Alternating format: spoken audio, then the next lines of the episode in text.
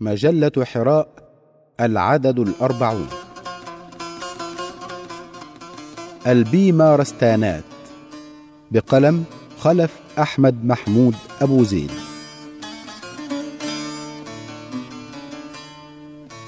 يصف لنا ابن أبي أصيبعة طرق مزاولة مهنة الطب في أول عهد إنشاء البيمارستانات الإسلامية فيقول: إن الطب كان في أول عهده عن طريق الممارسة ثم صار دراسة وامتحانا وإجازة حيث كان الطبيب في أول عهد الدولة الإسلامية يكتفي لممارسة التطبيب بقراءة الطب على أي طبيب من النابهين في عصره. فإذا أنس من نفسه القدرة على مزاولة الصنعة باشرها بدون قيد أو شرط. وقد يرجع الفضل في تنظيم صناعة التطبيب وتقييدها بنظام خاص حرصا على صحة المرضى إلى الخليفة العباسي المقتدر بالله جعفر بن المعتضد الذي تولى الخلافة سنة 295 هجرية حيث فرض على من يريد مزاولة التطبيب تأدية امتحان للحصول على إجازة تخوله هذا الحق بين الناس. والسبب الذي دعا الخليفة المقتدر إلى هذا التقييد هو ما يرويه سنان بن ثابت رئيس الأطباء في عصره. حيث يقول لما كان في عام 319 هجرية الموافق لعام 931 من الميلاد اتصل بالمقتدر أن غلطا جرى من بعض المطببين على رجل من العامة فمات الرجل. فأمر الخليفة أبا إبراهيم بن محمد بن أبي بطيحة المحتسب بمنع سائر المتطببين من التصرف إلا من امتحنه سنان بن ثابت بن قرة. وكتب له رقعة بخطه بما يطلق له التصرف فيه من الصناعة. فصاروا إلى سنان وامتحنهم. وأطلق لكل واحد منهم ما يصلح أن يتصرف فيه. وبلغ عددهم في جانبي بغداد ثمانمائة ونيف وستين رجلا. سوى من استغنى عن مهنته باشتهاره بالتقدم في صناعته ومن كان في خدمة السلطان. وسار النظام بعد ذلك على هذا الطريق متى أتم الطالب دروسه يتقدم إلى رئيس الأطباء الذي يطلب إليه إجازته لمعاناة صنعة مزاولة التطبيب. وكان الطالب يتقدم إليه برسالة في الفن الذي يريد الحصول على الإجازة. وهذه الرسالة أشبه بما يسمى اليوم أطروحة. وتكون هذه الرسالة له أو لأحد مشاهير الأطباء المتقدمين أو المعاصرين. يكون قد أجاد دراستها فيمتحنه فيها ويسأله في كل ما يتعلق بما فيها من الفن. فإذا أحسن الإجابة أجازه الممتحن بما يطلق له التصرف فيه من الصناعة. كما كان المحتسب يأخذ عليهم عهد أبقراط الذي أخذه على سائر الأطباء. ويحلفهم ألا يعطوا أحدا دواء مرا ولا يركبوا له سما ولا يصف التمائم عند أحد من العامة ولا يذكروا للنساء الدواء الذي يسقط الأجنة ولا للرجال الدواء الذي يقطع النسل وليغضوا أبصارهم عن المحارم وعند دخولهم على المرضى. ولا يفشوا الأسرار ولا يهتكوا الأستار. وينبغي للطبيب أن يكون عنده جميع آلات الطب على الكمال مما يحتاج إليه في صناعة الطب. عمارة البيمارستانات لقد تطورت عمارة البيمارستانات خلال عصور الحضارة الإسلامية، حيث كان لها نظام وطابع معماري مميز يقوم على مجموعة من الشروط الضرورية التي يجب أن تتوافر في المكان الذي يبنى فيه البيمارستان، ويمكن أن نلخص هذه الشروط فيما يلي: اختيار الموقع اختيار الموقع الذي يبنى فيه البيمارستان كان من الأمور الضرورية التي أولاها المسلمون اهتماما كبيرا حيث كان من الضروري أن يتوفر الهواء الصحي في المكان الذي يبنى فيه البيمارستان. ولقد ورد أن الرازي عندما أراد اختيار موقع للبيمارستان العضدي وضع قطعا من اللحم في أماكن مختلفة من بغداد. واختار الموقع الذي بقيت فيه قطعة اللحم سليمة أكثر من غيرها في المواقع الأخرى.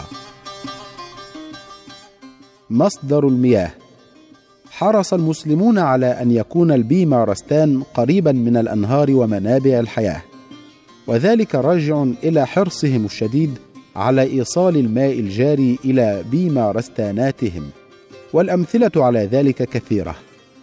فالمستشفى العضدي كان الماء يدخل إليه من دجله والمستشفى النوري بحلب كان به بركتا ماء يأتي إليهما الماء الحلو من قناة حبلان.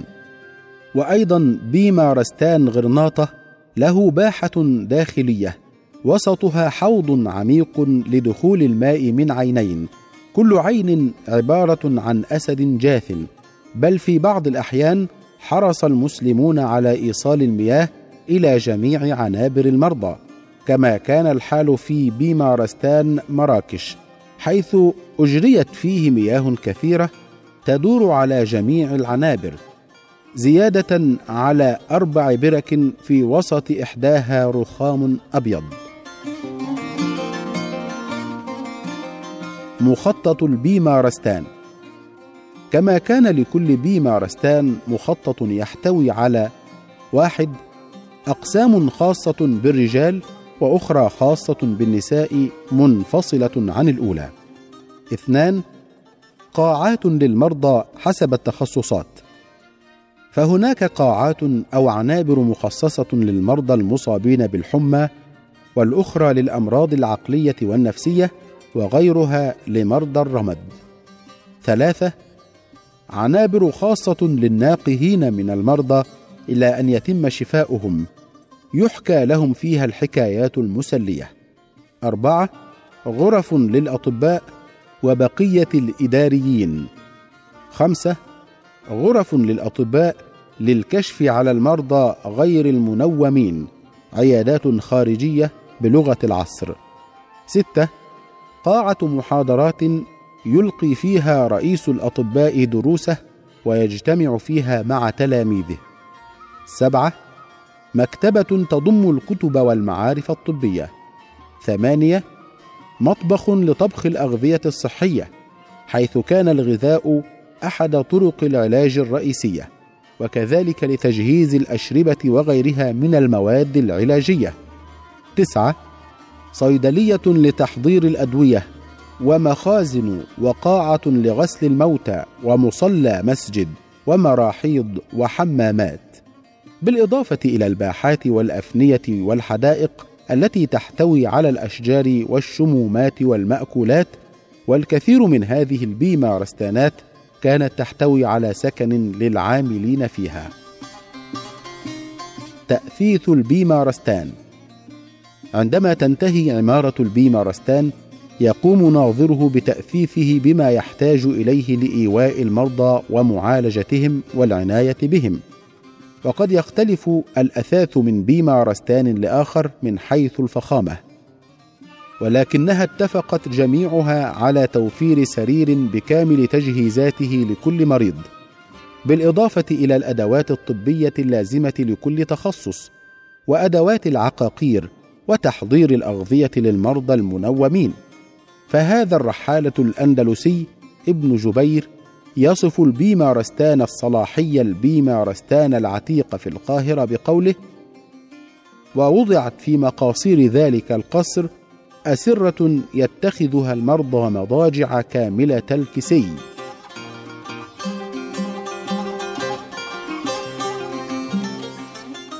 البيمارستانات الشهيرة يقول الدكتور جوزيف جارلاند في كتابه قصة الطب وقد أسس العرب عددا من المستشفيات الممتازة جعلوها مراكز لدراسة الطب لعلاج المرضى كأحدث المستشفيات وقد بلغ عدد هذه المستشفيات أربعة وثلاثين موزعة بين أنحاء البلاد وإن كان أهمها مستشفيات بغداد ودمشق وقرطبة والقاهرة. ونعرض فيما يلي لأهم البيمارستانات التي كانت منتشرة في بلاد الإسلام خلال ذلك الزمان.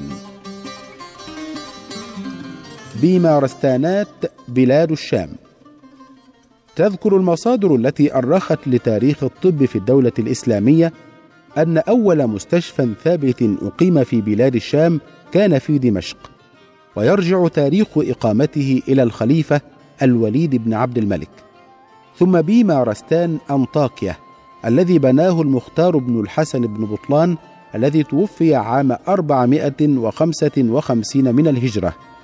ثم البيمارستان الكبير النوري الذي شيده الملك العادل نور الدين محمود زنكي بدمشق. وفي مدينة حلب بنى الملك العادل نور الدين محمود زنكي بيمارستانا داخل باب أنطاكيا. وقف عليه الأموال لنفقات المرضى والأطباء. وفي القدس بنى الملك الناصر صلاح الدين الأيوبي بيمارستانا كبيرا قد عمل فيه من الأطباء وبيمارستان عكا. البيمارستانات في شبه الجزيرة العربية. كانت توجد في شبه الجزيرة العربية عدد من البيمارستانات الهامة من أشهرها بيمارستان مكة المكرمة وكذلك بيمارستان المدينة المنورة. البيمارستانات في بلاد العراق. كان يوجد في العراق العديد من البيمارستانات الهامة والشهيرة التي لعبت دورا بارزا في مسيرة الحياة الطبية الإسلامية. ويأتي في مقدمة هذه البيمارستانات بيمارستان بغداد الشهير. الذي بناه هارون الرشيد وأسماه بيمارستان الرشيد وأيضا بيمارستان أبي الحسن علي بن عيسى الجراح وبيمارستان بدر غلام المعتضد بالله أنشأه من ماله الخاص وبيمارستان السيدة أم المقتدر التي توفيت عام 321 هجرية وكذلك البيمارستان المقتدري. والذي أشار ببنائه على الملك المقتدر بالله سنان بن ثابت بن قرة وأيضا البيمارستان العضدي أنشأه عضد الدولة البويهي عام 732 هجرية وغيرها. البيمارستانات في المغرب والأندلس. لقد تعددت وانتشرت البيمارستانات في الأندلس حتى كثر عددها حيث يذكر أن قرطبة وحدها كان فيها خمسون مستشفى ومن بيمارستانات الأندلس المشهورة بيمارستان غرناطة الذي بدأ السلطان محمد الخامس ببنائه عام 767 هجرية وفي المغرب الأقصى كان يوجد بيمارستان مراكش الذي بناه المنصور أبو يوسف. وكان كل يوم جمعة بعد الصلاة يذهب إلى المرضى ليسألهم عن أحوالهم. وقد دأب على هذه المحمدة حتى توفي عام 595 هجرية وفي تونس بيمارستان تونس. البيمارستانات في مصر. نذكر منها بيمارستان زقاق القناديل من أزقة فسطاط مصر.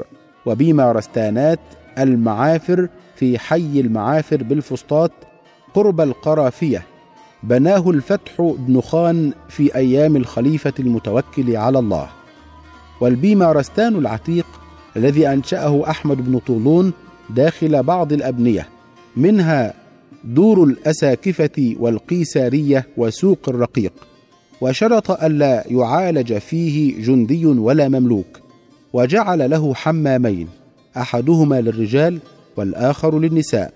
وأدخل ابن طولون في هذه البيمارستانات ضروبا من النظام جعلته في مستوى أرقى المستشفيات آنذاك. وبلغ من عناية أحمد بن طولون بهذا البيمارستان أنه كان يتفقده بنفسه يوما كل أسبوع. كان في الغالب يوم الجمعة. فيطوف على خزائن الأدوية ويتفقد أعمال الأطباء ويشرف على سائر المرضى ويعمل على مواساتهم وإدخال السرور عليهم. ولعل أشهر البيمارستانات في العصرين الأيوبي والمملوكي. ذلك التي أنشئت في عهد كل من صلاح الدين الأيوبي والناصر قلاوون فقد افتتح السلطان صلاح الدين الأيوبي ثلاثة بيمارستانات. الأول في إحدى قاعات القصر الفاطمي الكبير وهو البيمارستان العتيق كما أمر بإعادة فتح بيمارستان الفسطاط القديم.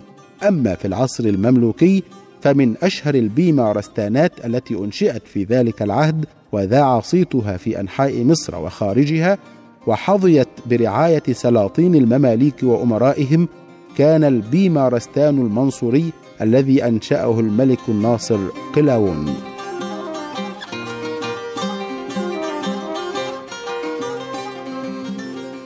وفي النهاية نقول هذا حال البيمارستانات في عصور ازدهار الحضارة الإسلامية في القرون الوسطى بينما كانت مستشفيات أوروبا وكرا للأمراض ولم يكن لدى الأوروبيين إنسانية نحو مرضاهم في تلك الآونة فقد كان بعض ملوكهم يحرقون المجذومين ويعذبون المجانين ولا يكترثون لصحة المسجونين وحياتهم.